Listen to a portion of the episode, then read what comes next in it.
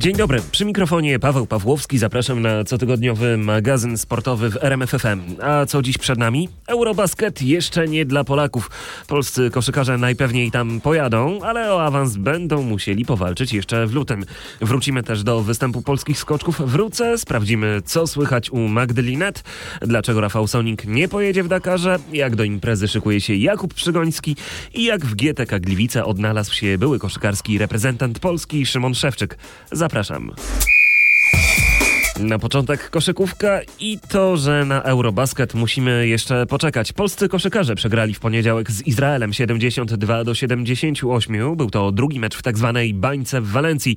Po wygranej z Rumunią i porażce z Izraelem o awans na Eurobasket powalczymy dopiero w lutowym okienku. Wtedy czeka nas drugi mecz z Rumunami i rewanż z Hiszpanią. A co po tej ostatniej porażce z Izraelem mają do powiedzenia nasi koszykarze? Izrael e, dzisiaj zagrał dobry mecz, ale my też możemy być dumni z tego meczu, ponieważ nasze, nasze zaangażowanie w tym meczu było naprawdę na wysokim poziomie, więc, więc e, z tego możemy się cieszyć. Nie trafiliśmy kilku, kilku rzutów wolnych, e, prostych rzutów spod kosza i, i ten wynik nam uciekał. No, staraliśmy się wszystko zrobić, żeby, żeby wygrać dzisiejszy ten mecz i, i być spokojnym o awans e, na Eurobasket. Nie wyszło, ale nie, nie opuszczamy głów skupiamy się na kolejnym okienku. Mówił Łukasz Kolenda. Oddajmy jeszcze głos Michałowi Michalakowi. Tak, cały mecz był, było blisko, to było zacięte spotkanie. Izrael e, przez większą część meczu miał przewagę, my goniliśmy. Były momenty, że wróciliśmy już praktycznie na remis. Zawsze ciup tam, coś nam zabrakło, nie, nie, nie kończyliśmy akcji, kiedy byliśmy blisko i mimo to, że graliśmy dobrze, agresywnie, zabrakło tych detali żeby odnieść zwycięstwo po prostu. Mówił Michalak. Zostawiamy koszkadrę. Teraz udany weekend polskich skoczków w fińskiej Ruce z dwukrotnym podium Dawida Kubackiego. Do tego liczne sukcesy norweskich sportowców i pierwsze punkty Pucharu Świata zdobyte przez nasze biatlonistki. To, co działo się w sobotę i w niedzielę w sportach zimowych, podsumuje Patryk Serwański. Wyjazd naszych skoczków do Ruki okazał się bardzo udany, szczególnie sobotnia rywalizacja. Piotr Żyła był drugi, Dawid Kubacki trzeci, do tego Klemens Murańka dziewiąty, Andrzej Stękała na miejscu jedenastym, Kamil Stoch dwunasty i do tego Paweł Wąsek w trzeciej dziesiątce. Niedziela już tak okazała nie była, ale Kubacki powtórzył podium, ponownie był trzeci, w finale awansował z siódmego miejsca, naskoczył 139 metrów. Yy, wrażenia naprawdę fajne. Nie spodziewałem się tego po tej pierwszej serii. Znaczy wiedziałem, że będę walczył, ale no też mieliśmy troszeczkę dzisiaj loterii, że tak powiem, więc e, trzeba było fajnie trafić. Ale oddałem ten drugi skok naprawdę, naprawdę fajny, mi się podobał. Zobaczymy, co na to powie trener. E, pierwsza seria była taka se, bo było troszeczkę od góry zaczęte i przez to no, brakło rotacji i tej prędkości tu na dole, żeby odlecieć. E, ale ogólnie no, dwa razy podium wrócę, e, to myślę, że bym brał w ciemno przed zawodami. Na taką głębszą analizę jeszcze przyjdzie czas, ale, ale na pewno to, e, że dzisiaj już nie mieliśmy tak fajnych warunków jak wczoraj, e, no pozwoliło gdzieś tam e, przetrenować to, że, że jednak mamy zawsze oddawać takie same skoki i jakie, na jakie warunki się trafi, tak, tak będzie, ale, ale trzeba zrobić swoje.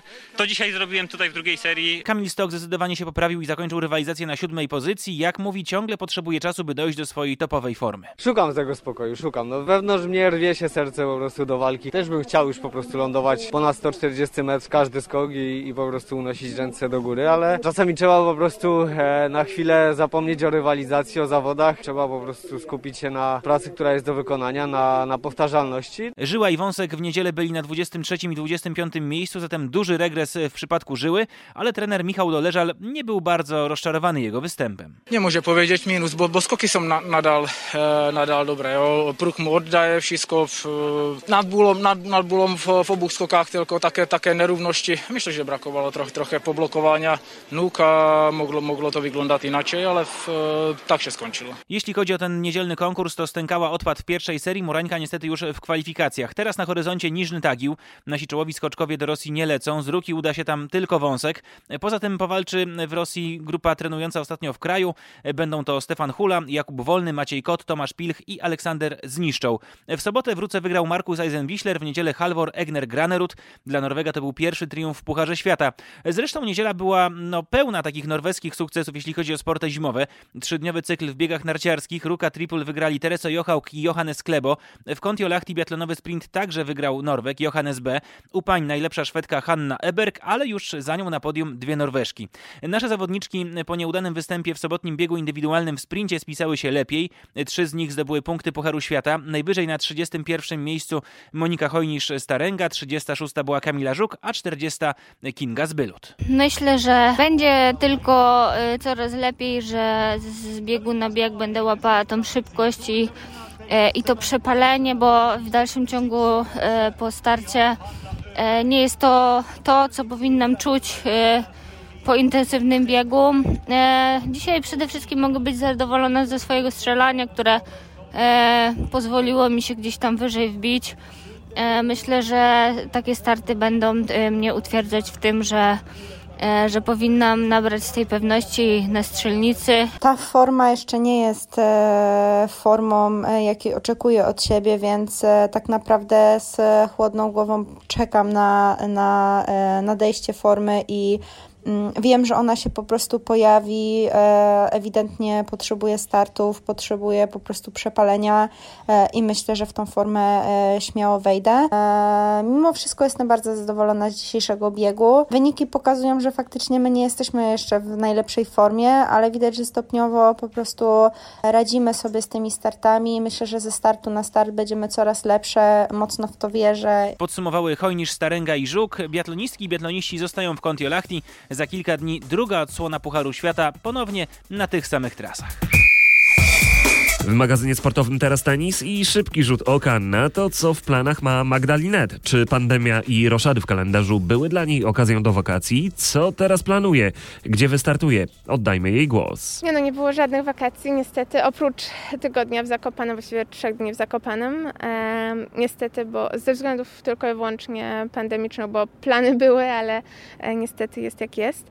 E, a co do kolejnego roku nie mam pojęcia. Sami myślę nie wiemy. Nie wiemy jeszcze co powiedzą Australian Open. E, póki co e, przygotowuję się na tą setkę w Dubaju, ponieważ po prostu nie ma zupełnie niczego innego i myślę, że, że tam zagram jeden turniej, ale to po prostu będzie jako część moich przygotowań, żeby cokolwiek zmienić i też zagrać trochę na świeżym powietrzu, a nie być tylko w hali w zimnie, tylko zmienić trochę na cieplejsze warunki. Tyle Magdalinet. Teraz motorsport. Już tylko nieco ponad miesiąc pozostał do kolejnej edycji rajdu Dakar, drugiej w Arabii Saudyjskiej. Patryk Serwański rozmawiał o tym z Jakubem Przygońskim. Jakub Przygoński kontynuuje przygotowania do zbliżającego się rajdu Dakar, który ruszy na początku stycznia. Kuba, jakie informacje płyną do ciebie od organizatorów? Jak rozwiązano te wszystkie kwestie obostrzeń, różnych zakazów związanych i z przelotem na miejsce do Arabii Saudyjskiej i z samą rywalizacją i pobytem na biwaku? Dakar odbywa się, nie ma, jakby wszystko idzie w kierunku, że wszystko będzie tak jak powinno być, czyli będziemy się ścigali na Dakarze w Arabii Saudyjskiej. Jest tylko oczywiście wymyślony, wymyślony jest system, jak to będzie się działo, czyli przed wylotem e, na Dakar każdy zawodnik, każdy uczestnik musi mieć zrobiony test negatywny, później wsiada do samolotu, samolot to będzie, będą odpowiednie czartery tylko dla załóg, które lecą do Arabii Saudyjskiej. W Arabii Saudyjskiej będzie specjalny specjalny terminal, który będzie tylko e, nas jakby przyjmował, e, czyli już omijamy jakby kontakt z, kimkolwiek. E, później w ciągu 48 godzin w Arabii Saudyjskiej robimy test, też musi być negatywny. Jak mamy to, to możemy wjechać na biwak, który będzie jakby taką bańką odciętą od świata i przez dwa tygodnie e, jesteśmy jakby w tym świecie e, negatywnym, który, który, który będzie bezpieczny dla wszystkich i będziemy mogli normalnie się ścigać bez żadnych tak naprawdę problemów. Ten ostatni okres przed wjazdem na biwak będzie więc no zapewne pełen nerwów. Co roku to przecież generuje stres, gdy zaraz ma się zacząć ta najważniejsza impreza w roku. Teraz dojdą jeszcze te dodatkowe zmartwienia związane z epidemią koronawirusa. Na pewno będzie to stresujące, bo jakby cały rok przygotowań może zostać przekreślony tym, że będziesz miał wynik pozytywny i wracasz do domu. No i to jest Yy, największy stres, który będzie dotyczył tych testów i tego wszystkiego, bo, bo do końca nie będzie trochę wiadomo, więc yy, te dwa tygodnie na pewno przed wylotem yy, trzeba będzie mocno ograniczyć jeszcze nawet tego nie wymyśliłem, ale na pewno spotykanie z innymi osobami, żeby, żeby być no, wolnym od nawet przynajmniej jakichś myśli, że, że gdzieś tam ktoś, czy można by było się od kogoś zarazić, więc to będzie taka kwarantanna przed wyjazdem. E, no i już, no, to są potężne zawody, które wymagają no, wielkich przygotowań, więc cały rok przygotowań no, musi, musi być na koniec po prostu trochę inaczej zorganizowany. Powiedz, jak wyglądają kwestie sprzętowe, kiedy będziecie mogli z Timo Gottschalkiem testować samochód i jak to wszystko zostało rozwiązane? Nasz samochód jest przygotowywany i budowany w Toyota Gazoo Racing w RPA. I ten samochód y, Toyota Hilux będzie od razu stamtąd y, przetransportowana do Arabii Saudyjskiej. I na początku grudnia w Arabii Saudyjskiej e, mamy zapowiedziane zawody, które, na których będziemy startowali i będziemy mieli tam też testy i, i wszystkie ustawienia. Nowego samochodu będziemy robili, więc to jest y, ważny start i tak naprawdę do tamtej pory nasz samochód jeszcze teraz jest gorąco przygotowywany, a później już zostanie w Arabii Saudyjskiej i będzie czekał na Dakar, więc sprzęt y, jest praktycznie już gotowy, e, więc teraz y, trzeba po prostu no, ten listopad ciężko przetrenować fizycznie, później stestować samochód. Oczywiście to nie będzie jednodniowy test, tylko to będą prawie dwa tygodnie, więc, więc samochód y, będzie dobrze sprawdzony. Też y, zawsze dobrze jest się przejechać, żeby samochód nie był nowy na Dakar, tylko żeby on już miał jakieś kilometry za sobą, więc to będzie na pewno duży plus. E, I tyle, no trzeba sobie radzić z tym, jak jest. Y, prawda? Każdy miał na pewno na ten rok trochę inne plany, ale te plany się zmieniły i trzeba do tych planów się dostosować o tyle dobrze jest, że dobrze, niedobrze, że wszyscy zawodnicy są trochę w tej samej sytuacji, więc każdy ma trochę równe szanse. A czy docierają do ciebie jakieś informacje od rywali? W jaki sposób oni podchodzą do tego zbliżającego się Dakaru, tych nerwów, stresu? Trzeba będzie przecież dostosować się do tej nowej rzeczywistości. No, niektórzy zawodnicy wiadomo się bardziej stresują, niektórzy mniej, ale jednak yy, ta odnoga, można powiedzieć, świata motorsportowa jest też dosyć mocno przećwiczona przez wszelakie yy, problemy i, i sytuacje. Byliśmy w w wielu różnych dziwnych miejscach na świecie, w różnych krajach, więc z różnymi też sytuacjami trzeba było sobie zmierzyć, więc, więc tutaj no wszyscy na pewno starają się zrobić tak, żeby wszystko się odbywało, żeby wszystko poszło, no bo, e, no bo też to jest długi czas, kiedy każdy pracował na to, żeby być jakoś przygotowanym do tego Dakaru, e, więc wszyscy na pewno zrobią wszystko, co należy, żeby, żeby wszystko było bezpiecznie i dobrze. Na liście zgłoszeń do Dakaru 14 zawodników z naszego kraju, ale w Arabii Saudyjskiej wystartuje co najwyżej 13. Ze startu zrezygnował bowiem doświadczony kładowiec i biznesmen Rafał Sonik. W tym przypadku słowo biznes jest istotne. Sonik tak opisał powody rezygnacji. W tym roku po raz pierwszy od kilkunastu lat postanowiłem nie wystartować w rajdzie Dakar, choć serce się rwie, dusza bardzo by chciała, ciało przygotowane, wytrenowane, sprzęt gotowy, to jednak y, drużyna Rafała Sonika w tym y, najbliższym rajdzie Dakar nie wystartuje. Y, główne powody są dwa, a ich wspólnym mianownikiem oczywiście odpowiedzialność za zdrowie drużyny, członków naszych rodzin, za zdrowie moich najbliższych, swoje własne okoliczności skłaniają nas, czy właściwie są oczywiste do tego, żeby o to zdrowie, szczególnie dbać. Dystans, dezynfekcja, maseczki. Byłoby bardzo trudno zachować środki ostrożności pod podczas y, tak wielkiej imprezy sportowej, choć rozumiem tych, którzy podjęli decyzję, żeby jednak spróbować i startować. Uważam, że moją osobistą odpowiedzialnością jest to, żeby wszystkim y, wokół, wokół siebie i sobie samemu zapewniać warunki i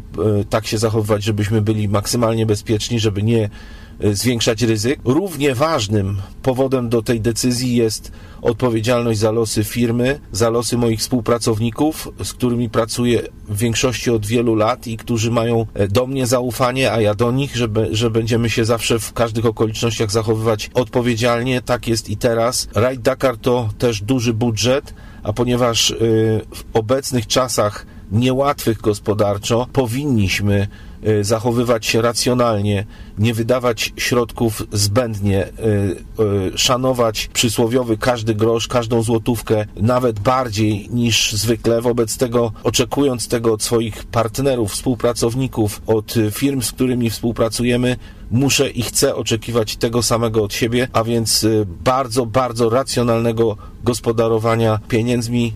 Y, budżet na Dakar, o czym przez wiele lat przecież się mówiło, to jest spora kwota i w tym roku nie czuję y, gotowości, nie czuję też, żeby to było uzasadnione ekonomicznie, żeby tę kwotę wydać. Tak więc dwa główne powody do tej rezygnacji to zdrowie i budżet. Dakar 2021 ruszy 3 stycznia.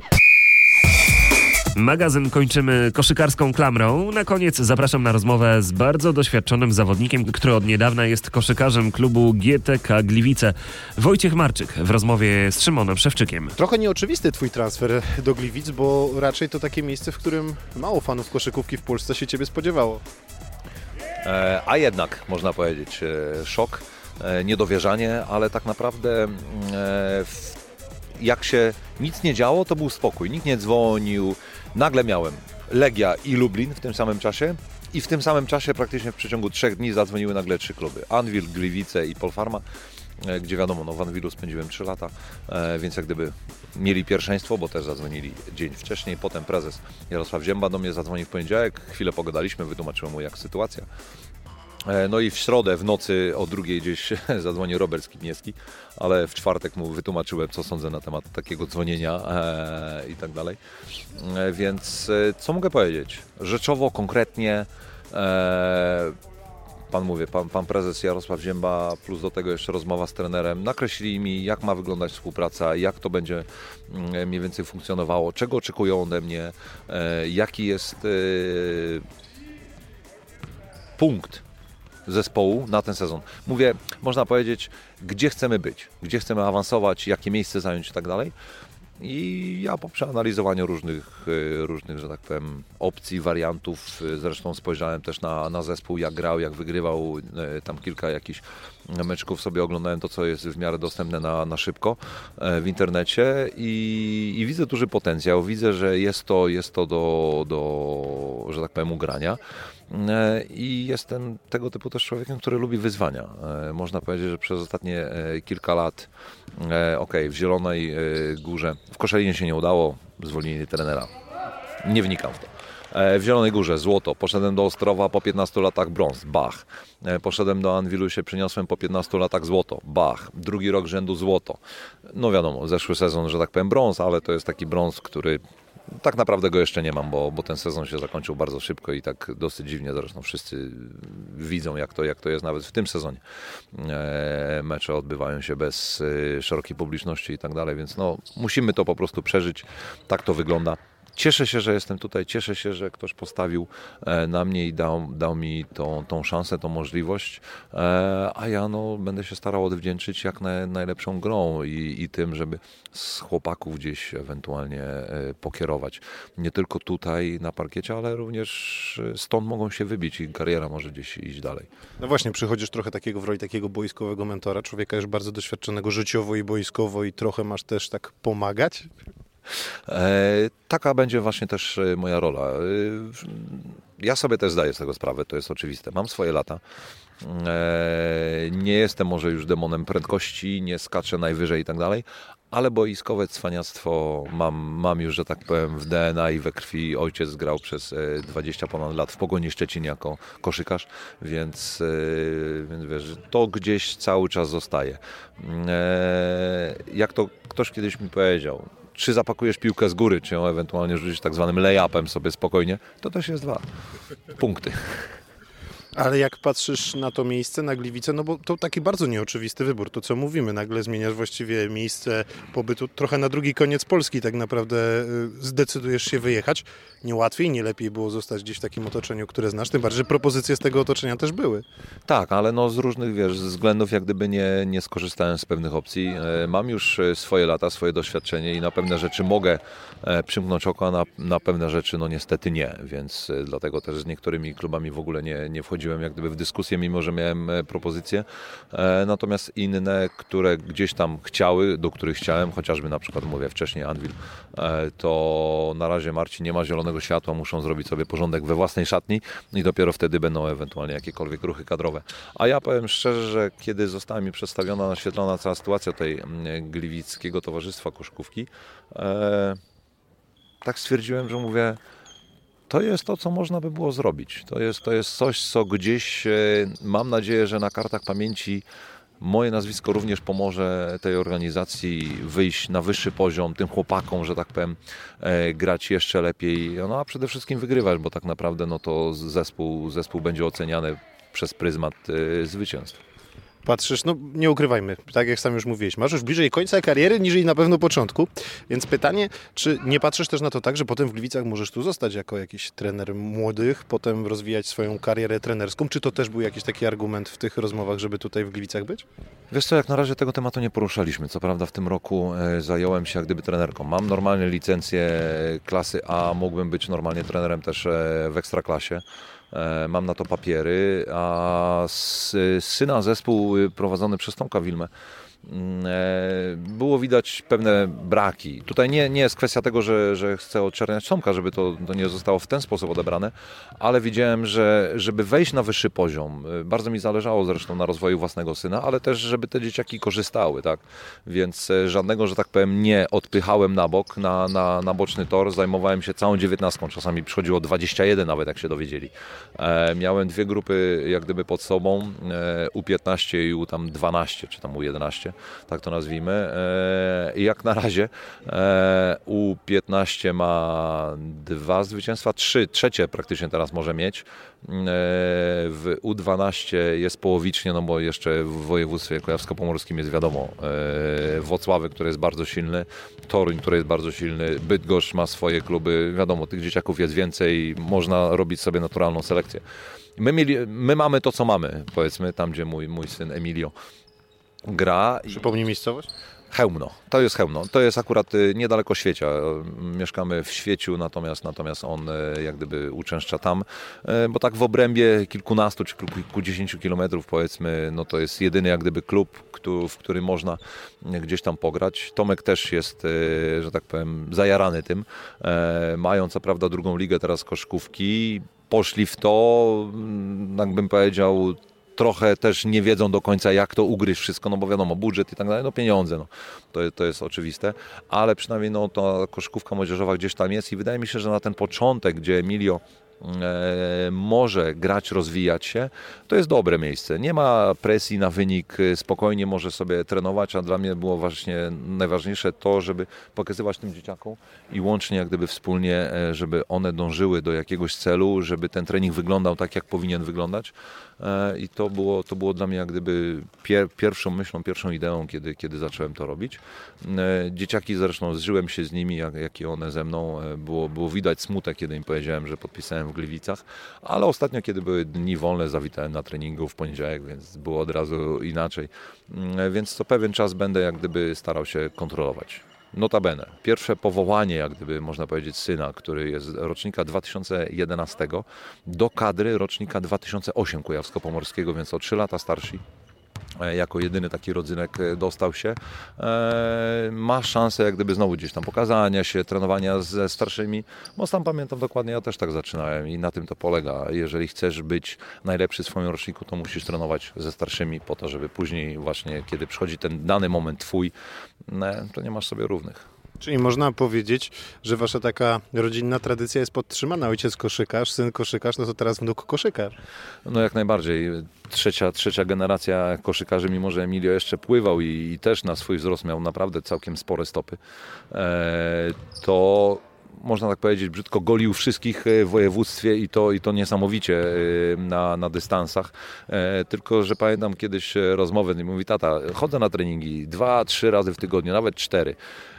Mówię, ok, cały miesiąc pływam w tą i z powrotem, w tą i z powrotem, pojadę na, na zawody, popłynę w tą i z powrotem, w tą i z powrotem, w tą i z powrotem i koniec. I mówi, znowu muszę czekać miesiąc na zawody. Mówi, takie to trochę nudne, ale chodzi nadal na, na to pływanie, ale to już nie jest jak gdyby jego, jego e, główny cel e, w życiu, mimo że notabene też drugi Tomek od pływania powiedział, mówi, nie wiem czy z kadrą koszykówki pojedzie na olimpiadę, ale ja widzę po tobie, że masz szansę y, z kadrą pływania, możesz, możesz pojechać, bo mówi z kadrą koszykówki to tak mówi ciężko będzie, a mówi w, przez 18 lat, jak jest trenerem e, pływania dzieciaków i tak dalej, to mówi widział dwie osoby, jedną dziewczynkę i właśnie Emilio, którzy mają taką kontrolę, taką świadomość swojego ciała i to mnie też gdzieś podbudowało, ale no, on zrozumiał, że no, jak gdyby geny, cokolwiek i tak dalej, że on będzie raczej iść w stronę właśnie koszkówki.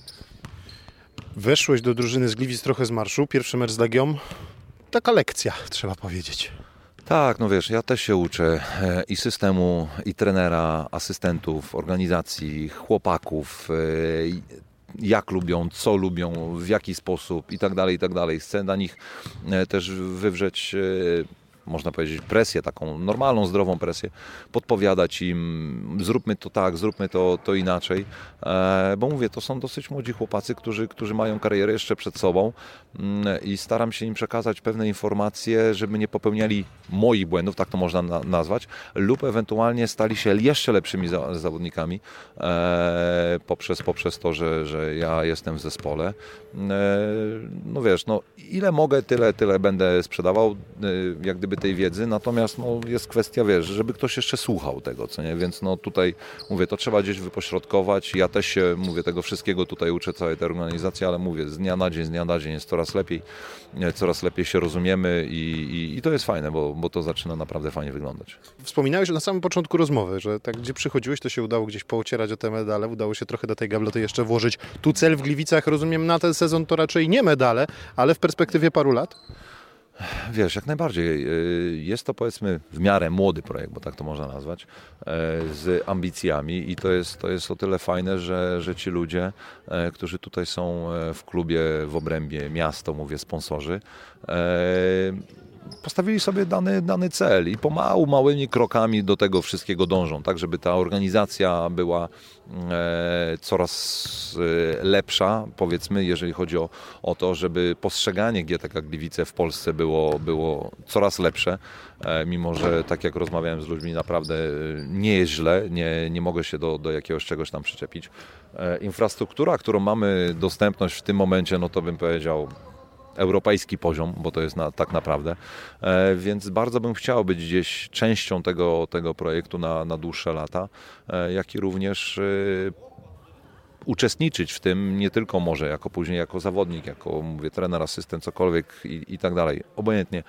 Kwestia jest tego, że jest możliwość i warto by było z tego skorzystać. I mówię, nie mówię tutaj tylko o sobie, ale o całej organizacji, bo no, lepszych warunków na razie gdzieś, jeżeli chodzi o Polskę i tak dalej, to próżno szukać te koronawirusowe obostrzenia Wam w lidze mocno doskwierają. Oczywiście pomijam puste trybuny, bo to już dzisiaj taka niestety smutna rzeczywistość, do której trochę się przyzwyczailiśmy, bo nawet oglądając jakieś e, dawniejsze mecze, to tak człowiek się dziwi mówi, o ludzie na trybunach byli. No wiesz, no ja, ja mówię, ja ostatnie trzy sezony spędziłem we Włocławku i tutaj nie chcę, żeby ktokolwiek myślał, że, że cały czas mówię Włocławek, Włocławek. E, chciałbym, żeby taka atmosfera, jaka była we Włocławku, była w każdej hali naprawdę w Polsce. Nie tylko na koszkówce, na środkówce, gdziekolwiek. E, to byli naprawdę fanatycy, można powiedzieć, e, sportu. Ci ludzie, e, nawet teraz mówiąc, pod kurtką mam delikatne dreszcze, gdzieś tam gęsią skórkę, bo to było coś niesamowitego. Te ponad 3 tysiące, 4 tysiące gardeł. E, zresztą żeśmy rozmawiali z chłopakami, ja mówię nawet jak tam było 100%, to tam nie było 100%, tam było 110%. Jak się można było tylko, to, to, to, to, to ci ludzie wchodzili. Pamiętam, e, zresztą rozmawiałem czy z policjantami, czy z, ze służbą zdrowia, a oni tylko czekali na to, mówię, dzisiaj jest mój dyżur, ja chcę jechać na mecz, nie? Mówi, nie interesuje mnie to, ja muszę być na tym meczu nawet jako, e, jako mówię, ratownik, cokolwiek tak dalej, bo ci ludzie tam żyją, żyją tym sportem, oni cały czas są i chciałbym, mówię, no, żeby, żeby gdzieś w końcu ci kibice wrócili, ale oczywiście, rozumiem, taki mamy czas, a nie inny. Wszyscy musimy, że tak powiem, to jakoś przejść razem i tylko razem e, wspierając się, że tak powiem, myśląc o tym, nosząc maseczki, e, później potem dezynfekcja rąk, badanie się, cokolwiek. E, tylko razem, wspólnie że tak powiem, możemy to jak gdyby wszystko skrócić. To jest wokół nas, cały czas to, to, to będzie przez jakiś czas e, i tylko jest kwestia tego typu właśnie, żebyśmy się nie zarażali nawzajem, bo to jest ważne. Ja jestem negatywny, miałem wynik robiony, więc cieszę się z tego, mimo że miałem swoje jakieś tam podejrzenia, ale nie na ten czas wcześniej. E, I, no i tyle. No Na razie jestem tutaj, wielu osobom się, że tak powiem, nie udało, które się gdzieś tam zaraziło e, tym, ale no mówię, no kwestia jest taka, że bardzo liczę na to, że to wszystko w końcu się skończy i jeszcze mam nadzieję, że w tym sezonie chociażby, nie wiem, na play-offy, może końcówka drugiej rundy, wiesz, e, żeby jednak ci kibice pomału, pomału wracali. I to już wszystko, co przygotowaliśmy dla Was w tym tygodniu. Do usłyszenia w kolejny poniedziałek.